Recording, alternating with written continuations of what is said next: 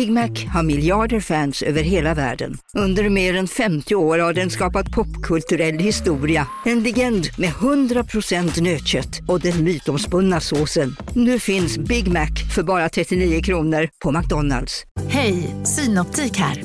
Livet med glasögon ska vara bekymmersfritt. Därför får du 30% på alla glasögon när du väljer Synoptik All Inclusive. All service ingår alltid. Välkommen till Synoptik. Okej hörni, gänget. Vad är vårt motto? Nej, allt är inte alltid som du tror. Nu täcker vårt nät 99,3 procent av Sveriges befolkning baserat på röstteckning och folkbokföringsadress. Ta reda på mer på 3.se eller i din 3-butik.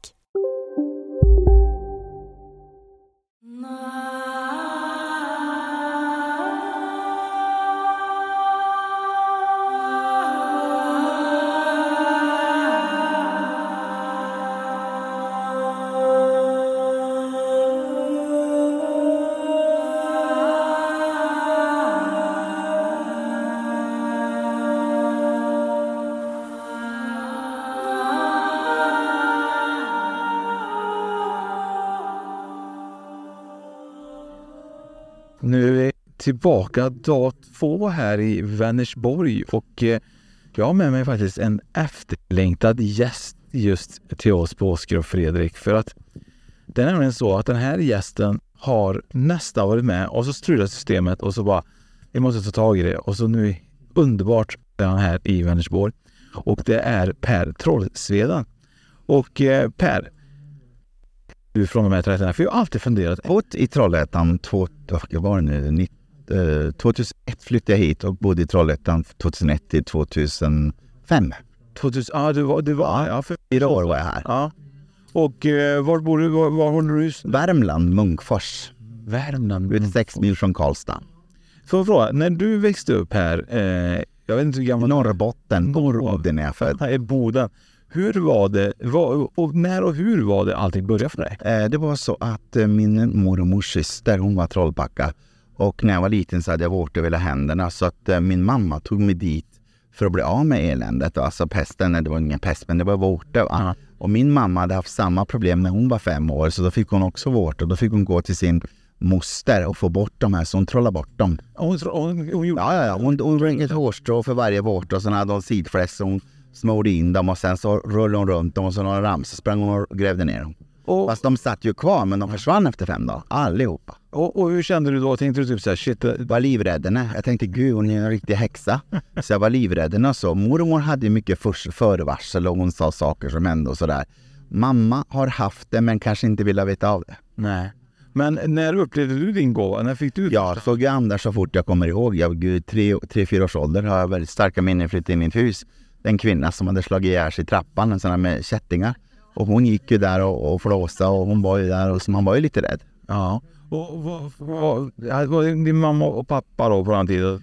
Pappa trodde ju ingenting på det här. på det. Nej, Nej. absolut inte. Och farmor det var bibeln så det gick inte så bra. Nej, det gick inte så bra. Nej. Och eh, när började du, hur gammal var du när du verkligen tog tag i din andlighet? Eh, ja, min bror dog när jag var 18 år så då började jag andligt söka. Då både Gud och Jesus var med en sväng där också. Så. Men man kan säga 92, då small det rejält. 92. Då gick jag en reiki-kurs och då öppnades hela himlen. Men jag hade ju sett andar och pratat med djur innan dess. Men jag fattade inte att jag trodde jag var psykiskt sjuk. För jag tänkte få röster i huvudet och, och alltså jag trodde nu är jag helt jävla galen. Hur, hur gjorde du för att liksom urskilja det från galenhet? Ja, alltså jag hade ju faktiskt en kvinna då som jag var i Luleå som var min mentor som hjälpte mig igång så att säga. Jag har aldrig gått utbildning egentligen just för att lära mig att ta kontakt med en ande. Det är ju själv som har kommit naturligt och alla mina upplevelser, upptäckter och så. Men alla, men jag har gått massa andra utbildningar, gjort. men inte just det för det har jag alltid varit med. Men jag minns ju, du har ju varit ett känt namn i, för mig egentligen, kanske en av de första egentligen medierna som jag känner till. 30 år har jag, jag kom ju 97 första gången i stora tvn. 97. Mm, med Lotta Aschberg var jag där och så var min dåvarande fru Ylva Troll... eh, Sweden hette hon då, nu heter hon Trollstjärna nu, numera. Men Ja. sen har jag ju rullat på. Sen har jag varit med i det här livet på andra sidan 2012. Det var det stora genombrottet egentligen massmedialt. Sen har jag varit hur många tv eller radioprogram och eller, eller Ja. tidningar och sånt där. Men det var det stora 2012. 2012. Mm. Hur kände du, för att fråga, när de ringer in dig på en sån här grej, Mm. hur, hur är känslan och tankarna då? För jag menar, du är ganska kanske ny inom på något sätt då, för, för det är liksom 2012, Ja. det är rätt många år sedan, Ja. är 20 år sedan. Var, du, var du nervös? Ja, 20 år är så här är ju inte, men det är ju 11 år sedan. Nej, 11 år sedan. Nej, nej, nej, 2012, den första Från början, ja, men från början när jag satt med Lotta Aschberg där och Kristina Skolin ska läsa hennes tidiga liv, man var ju livrädd va. Men det gick ju bra, alla var ju snälla med mig och så. Det, Aschbergs fru var det till och med, så att det gick ju jättebra. Va? Sen jag var med i en del andra program och sådär och lokala här i Skövde var med en sån här TV4-grej, de hade sådana saker. Så det har hänt. Men det är klart, det var ju konstigt var det från början. Ja. Varför tror du att just du kanske har fått den, den här gåvan? Har du tänkt på den här gåvan? Eh, ja, alltså, nej jag vet faktiskt inte det. Jag har ju medfötts det i blodet kan man säga från mormor och mormors syster. Hon var ju riktigt eh, bra kan man ju säga. Hon var ju fantastisk. Hon hjälpte ju jättemycket folk som vallfärdade till henne. Va? Så att, men hon, hon tog ju aldrig betalt. Man gjorde inte det? Det är ju skillnaden idag att jag kan ju inte bara jag har inga räkningar som någon betalar åt mig. Det hade ju varit bra. det har varit väldigt, väldigt bra. Ja. Men jag vet ju att eh, du har varit borta ett tag nu, varit lite sjuk. Ja, Precis. Och eh, 2018 då fick jag ju operera hjärtat, en hjärtklapp och det är ju inget märkvärdigt i sig men åttan gick ju åt helvete också så det var väldigt kritiskt. det var väldigt kritiskt. Så jag fick vända och komma tillbaka. Var Fick du uppleva någonting? I... Tyvärr inte. Fick inte det? Inte ett skit. Du hade hoppats på det kanske? Ja, absolut. Jag var så besviken. Jag trodde jag var död när jag kom tillbaks. Så, så, så jag låg ju liksom i, i en sån där gång där alla går. Vanlig liksom avdelning låg jag bara en gång för så överfullt. Så jag tänkte, vad fan, tänkte jag, jag är död. Så när folk gick tänkte fan jag är död. Jag trodde jag var död. Jag trodde det var en ande som gick där. Jag var, det tog fan säkert flera timmar innan jag fattade att jag var, levde. Det var så? Ja, det var jättesjukt alltså. Jätte alltså. Jag trodde jag var död. Jag trodde jag var en ande. Men, Jag såg min kropp, men jag, det liksom, det var så jävla konstigt. men vi tänkte, du jobbar ju ändå med andlighet och du har liksom träffar mycket från andra sidan. Absolut. och så vidare. Vad, vad tänker du liksom det här med, med, med liv efter döden och hur ser du på Jag, saker? jag tror att det är faktiskt så vackert som vi drömmer om. Jag tror inte att det är så att en del går i helvetet och en del går i ljuset. Det tror jag absolut inte.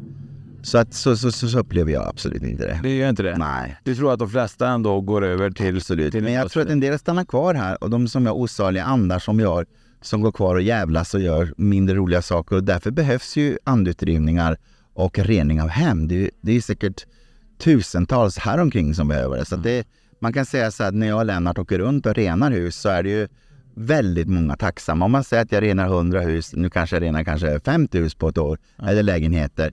Men då i alla fall 45 är nöjda och fem kanske får tillbaks andar och så. Och varför får de tillbaks dem? Jo, det är inte alltid säkert att vi måste ha misslyckats, men det är så här att om jag har varit rädd i 20 år för att en ande kommer och drar mig täcket varje natt, så har jag en, bin, en minnesbild och den bilden är så jävla stark. Så den får man jobba med intensivt första tiden.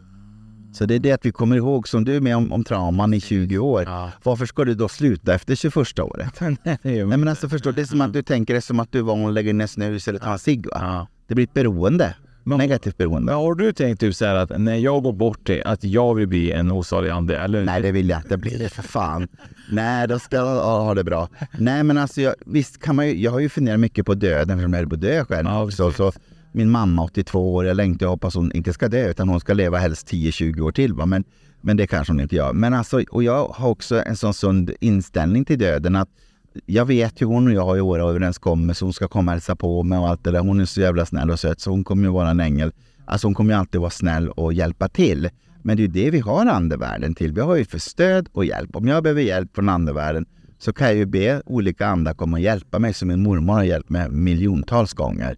Så att eh, så är det ju. Va? Sen är det andra vi har på andra sidan vi inte vill ha där. Eller inte vill ha där men som, som vi inte vill ha besök av.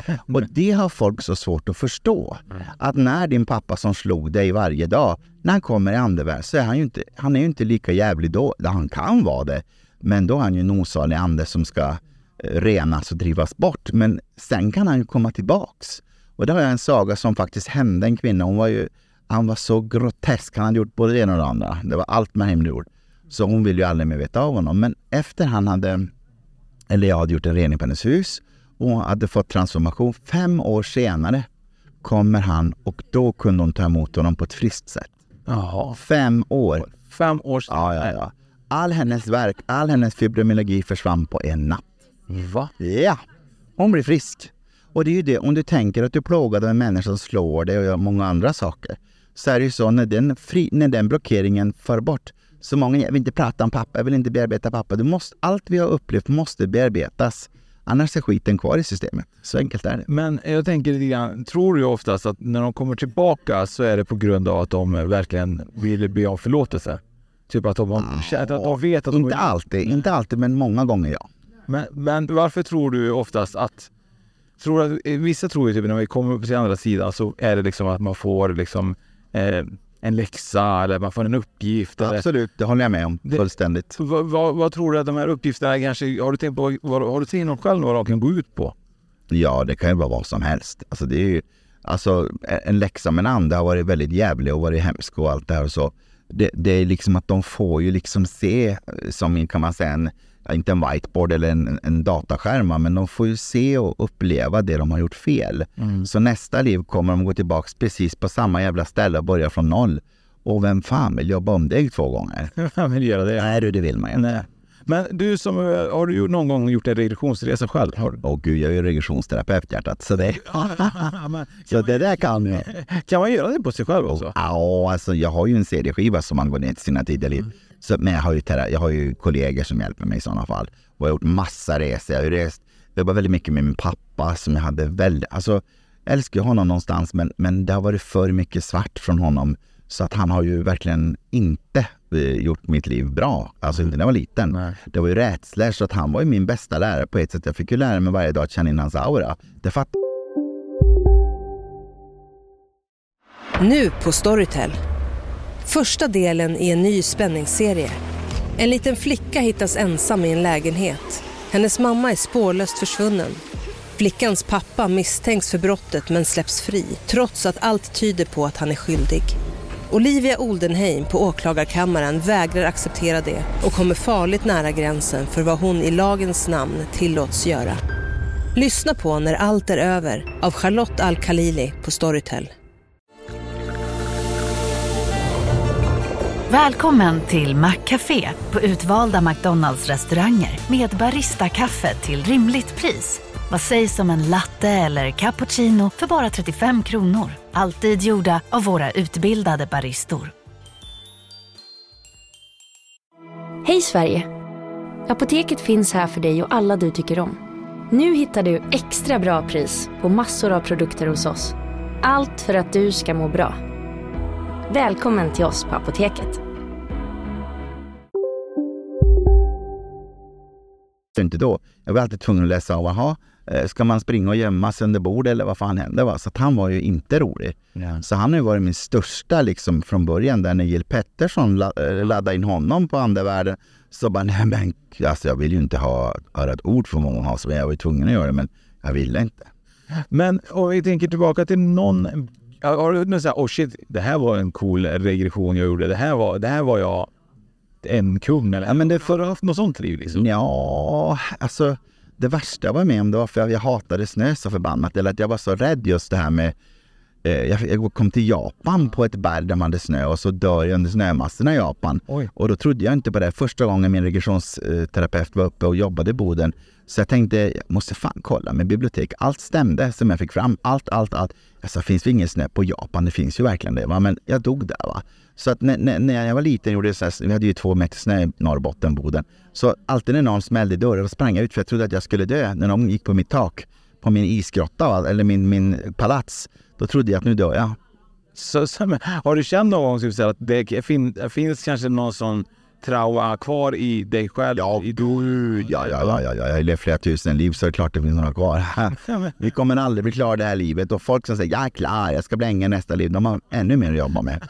De har inte ens börjat. Nej, ibland säger många det. Att det här är min, jag har hört att det här är mitt sista liv. Tänker jag typ så här, ja men det känns inte som att det är fullt Nej, för fan. Alltså det finns få fall, kanske jag mött fem till sju personer i hela mitt liv och jag kan inte se att de har en till återfödelse. Det finns inga. En del människor av dem, de, jag har sagt det till ett par av dem, inte alla men några, och de har en insikt som är normal. Men alltså att det är ju det att när vi återföds och återföds så lär vi oss någonting och vi hjälper ju andra på vägen också. Va? Ja. Jag har en fråga. Jag ser att du har ett fantastiskt coolt halsband. Det känns väldigt tungt, just den stora stenen. Den, nej, jag menar den andra. Det är, det är silversten, den som är en silversten, en sten, en blå sten på. Uh, ja. Den, Den här? Den, ja. Det här är inte en blå sten, det är en ametist. Ja, Ametist. Det är från min döda vän som jag... Eh, eh, hon dog i somras, Ja. min kära vän. Och den bär jag väldigt mycket och hon var själv ett extremt duktigt medium. Så hon är alltid med mig på mina seanser och sådär. Så. Det var faktiskt en, jag fick, nu fick jag bara typ en intressant fråga här. När man har varit medium, Ja, är det lättare att komma över efter man har gått bort till den här världen? absolut. Absolut. Och eh, Annika var ju helt fantastiskt medium. Vi, hon gick kurser från början, sen blev vi väldigt nära vänner. Och hon är nog den själ som har väldigt tårögd. Men hon, hon har nog påverkat min, min sista åren och när hon dog hade hon en väldig kamp med cancern. Och eh, först klarade hon den en sväng och så kom den tillbaks efter några år och allt det där och så. Men det gick ju inte till slut. va. Och eh, hon var alltid i sin andlighet. Hon, hon hade haft den här runt halsen när hon dog. Så hon hade på sig, till sista andetaget hade hon på sig den här. Och hennes syster tyckte då att jag skulle liksom, hon tyckte liksom att jag, eh, att den här var liksom på plats hos mig. Va? Och, eh, och det är så fantastiskt liksom. Och så en pendel har jag också i ametist som hon använde i, när hon låg i sängen och var döende. Och det är väldigt speciella fragment ur den. Och det är liksom, det är inte bara lidande, tvärtom så är det bara ljus nu. Förstår ni vad jag menar? va? Så att hon är ju hon är en otroligt vacker person som nu har det varit ganska lugnt med hennes närvaro, men från början var det så intensivt innan begravningen och allt det där. Och att jag skulle åka upp. Jag hade egentligen inte möjlighet att åka upp, men jag fixade så naturligtvis åkte på begravningen. Det är ju självklart. Men jag tänker, hur känns det för dig? Kan du ropa till? Eh, för alltid kan man inte få hit alla andra när man vill kanske. Men, kan du liksom få, får du till Annika, typ om du behöver råd? Kan hon bli en guide till dig idag? Vi har inte kommit riktigt dit än, va? för att hon har ju, måste ju stabilisera sig i det andliga nätet. Jag kunde ju höra henne i huvudet, em, hennes röst och så kunde jag höra hennes, eh, när hon pratade och så med i huvudet på, på begravningen och så. Och det kunde jag göra och sådär, så det var liksom ingen snack och så. Men det var så lustigt, jag fick till mig att jag skulle ha på mig jag fick till mig att jag skulle köpa som om jag skulle ha gift mig i kyrka. Du vet sån här äh, ros och så. Ja. Och jag bara, jag tänkte, och så tänkte jag så här, fan ingen annan hade ju det för det såg ut som jag skulle gifta mig. Fast hon var ju död. Förstår du vad jag menar? Det var så jävla sjukt. Men det kändes så rätt att ha den här rosen som en, en em, kärleksförklaring till henne. Liksom att hon, jag vet inte, det var så konstigt. Och jag, fattar, jag har aldrig, aldrig i mitt liv gått på en begravning med en sån och kommer nog aldrig göra det. Men jag gjorde det med henne. Det var helt galet. Så hon var ju absolut en, en själ som har eh, påverkar mig starkt. Så enkelt är det ju. Även om hon inte var med kanske en 8-10 år i mitt liv, åtta kanske det var bara, så blev det så starkt liksom. Hon har gjort massa tavlor som jag har hemma i min kursgård, så jag har sju tavlor som hon har gjort. Och du vet, de, de är så, så folk när de kommer in där, det, det är som att gå in i en riktig energikarusell. Det är så alltså. Ja, fy fan. Du pratar om din kursgård då, för jag menar, det kan ju vara bra för folk att veta. Ja, ja. Och du har din kursgård och så. Den ligger i Munkfors och den ligger ovanför vår stora, vi är en av Sveriges största andliga butiker på 140 kvadratmeter. Och det är så mycket saker där inne så att man måste nästan gå två dagar för att hinna med allt. Ja, det förstår jag, för det är väldigt, väldigt mycket energi. Mycket kristaller, vi har väldigt mycket kristaller, rökelser, vi har allt som och massa Ja, ibland har vi upp till 100 tarotlekar och 100 olika orakellekar så vi är störst i Sverige. Åh jäklar vad spännande. Så välkommen till Munkfors. Ja, det är Munkfors man ska åka till. Ja. Jajamän. Men jag tänker, hur är det att komma till sådana här mässor när man har så många sittningar kanske på en dag? För jag gissar att du, du Ja. är fullbokad, det vet man ju. Ja, ja. Hur, hur? Eh, alltså igår hade jag stor seans. Igår tog jag bara sju kunder för jag kände att jag orkar inte mer. Idag har jag ingen seans så att jag kanske har tio dagar. Men jag, jag, förr i världen körde jag ju ännu hårdare innan jag blev sjuk. Men nu försöker jag vara lite mer rädd om min energi så att jag ska orka kanske många år till. Ja, precis. Jajamän. Får jag fråga, eh, om man tänker från du eh, växte upp då, din första andlighet om man säger så. Norrbotten, ja. Norrbotten, när du verkligen började se andar och så. Mm. Kan du fortfarande se dem på samma sätt som du gjorde när du var barn? Eller är det mer typ att du får till dig sånt? Jag får tydligare bilder, jag får ju tydligare kommunikation och sådär. Och jag kan slå av och slå på lite bättre. Ja. Jag måste fråga, det här är ju någonting som vi brukar fråga. Är det typ så här, har du varit med om någonting som du känner det här var väldigt... Fan, jag var i ett fängelse. Var, jag har aldrig varit inlåst där, men jag var på ett fängelse där de har byggt om till ett hotell. Och det var, jag, om det, om det nu så jag inte tänker fel, här, om det var Oskarshamn eller om, om det var Oskarshamn eller om det var staden bredvid, nu kommer jag inte ihåg, men det var i Småland i alla fall. Nedanför Kalmar där. Jag tror det var Oskarshamn de har ett fängelse, eller om det är i byn bredvid där, eller stan. Jag tror det var Oskarshamn i alla fall. Och där kom jag in i alla fall. Först så står ju då en man som ser kriminell ut utanför. Tänkte jag, vad fan står han här för? Och så han var ju död. Men det fattade jag inte, han var så jävla tydlig. Så han såg så, jag tänkte, har han kvar där? Och så gick jag in och så checkade jag in allt det där. Sen, sen så gick jag in för då ringde jag till min krusellgrossist. Um, och då, vad heter det så, um, Kenneth då, och då, vad heter det så, när jag går in och ställer sakerna ungefär som på sånt här bänk, Mm. så då, då jag, jag, jag böjer hela kroppen framåt med rumpan i vädret och så kommer det två händer runt min hals och någon tar stryptag på mig. Och jag pratar i telefon så jag kunde inte prata. Va? Sen på natten, och då gick jag hade seans på kvällen, jag tror det var Oskarshamn, eller ja, jag tror det var där. Och då i alla fall så då, då när jag kommer hem eh, på natten och ska sova, då får jag världens jävla upplevelse och då kan jag för fan inte, jag ligger så på mage som jag aldrig gjorde, alltid gjorde förut. innan operationen, låg alltid på mage, det gör jag inte numera sen operationen, men innan gjorde jag alltid det. Så när jag ligger så på mage så kommer någon och lägger sig rakt över mig och alltså kväls med kudden. Så jag kan säga att jag trodde fan jag skulle dö. Det är det värsta jag varit med om. Sen dagen därpå när jag går ut och ska röka, det gjorde jag på den tiden, då kommer en karl när jag kommer in, då kommer en karl med en yxa i huvudet och blodet var liksom fast torkat på ut. Alltså du vet, det var det värsta. Sen tog hon ner mig i källaren. Det var det ett rum som alltså, det var det värsta rummet. Jag kan säga, jag har varit i många spökhus och jag har varit i många ställen och så. Men det är det fan värsta jag varit med om. Det är det absolut äckligaste. Skulle du åka tillbaka dit idag? Ja, det vet jag fan. Men alltså, jo, men alltså, då ska jag förbereda mig på ett annat sätt. Jag var ju så jävla dum och naiv. Jag tänkte, det här fixar ju jag. Det gjorde jag inte. Men det är det som är så, så intressant egentligen, för man tänker ju någonstans typ så här att är man att som ande så kanske man inte hade gett sig på någon som ändå som är så kraftfull som dig. Jo, men det gör de alltså. Det, alltså man kan ju beskydda sig och så nu har jag fått av min kära Kristina Warmo, hon har fått en sån här skyddsamulett och det är ju mot negativa energier och så här. Ja. Den har varit väldigt kraftfull. Så att nu när jag sovit där borta på stället, kommer jag aldrig ihåg vad det Ronnum. Rönnemgård ja. Ja.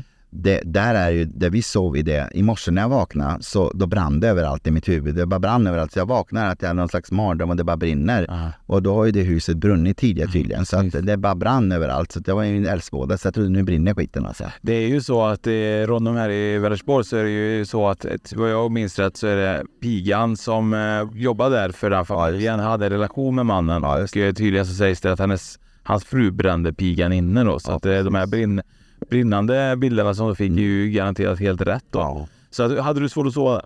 Eh, inte första natten. Första natten var, hände fan ingenting. Det var så jävla lugnt så det var jättekonstigt. Jag hade mer aktivitet i det andra huset. Men sen i natt då small det till. Det small lite. Jajamän. Eh, Hur är det första gången eh, mästaren var här i Vänersborg? Helt fantastiskt. Vi har haft full, fullt med folk här och Ja. Så helt fantastiskt. Det har varit en väldigt bra mässa. Underbart. Jag kommer ju låta dig fortsätta jobba för Ja. du strömmar in folk och Ja, folk eh, jagar dig mer Jajamän. mindre känner jag. Ja. Så att eh, jag är så himla tacksam att jag fick möjlighet att spela in med dig idag. Ja. Och jag hoppas att vi kommer kunna spela in framöver igen. Absolut. Och ni är välkomna till Munkfors. Exakt det jag skulle säga. Jag kommer jättegärna ner till Munkfors. Och det går också, och vi har ju övernattningar där så kan sova där. Superspännande. Jag tackar så hemskt mycket Per själv. för, för att du deltog idag i, Ja. när allt är så kaosigt där. Så en kram på dig. Kram, kram.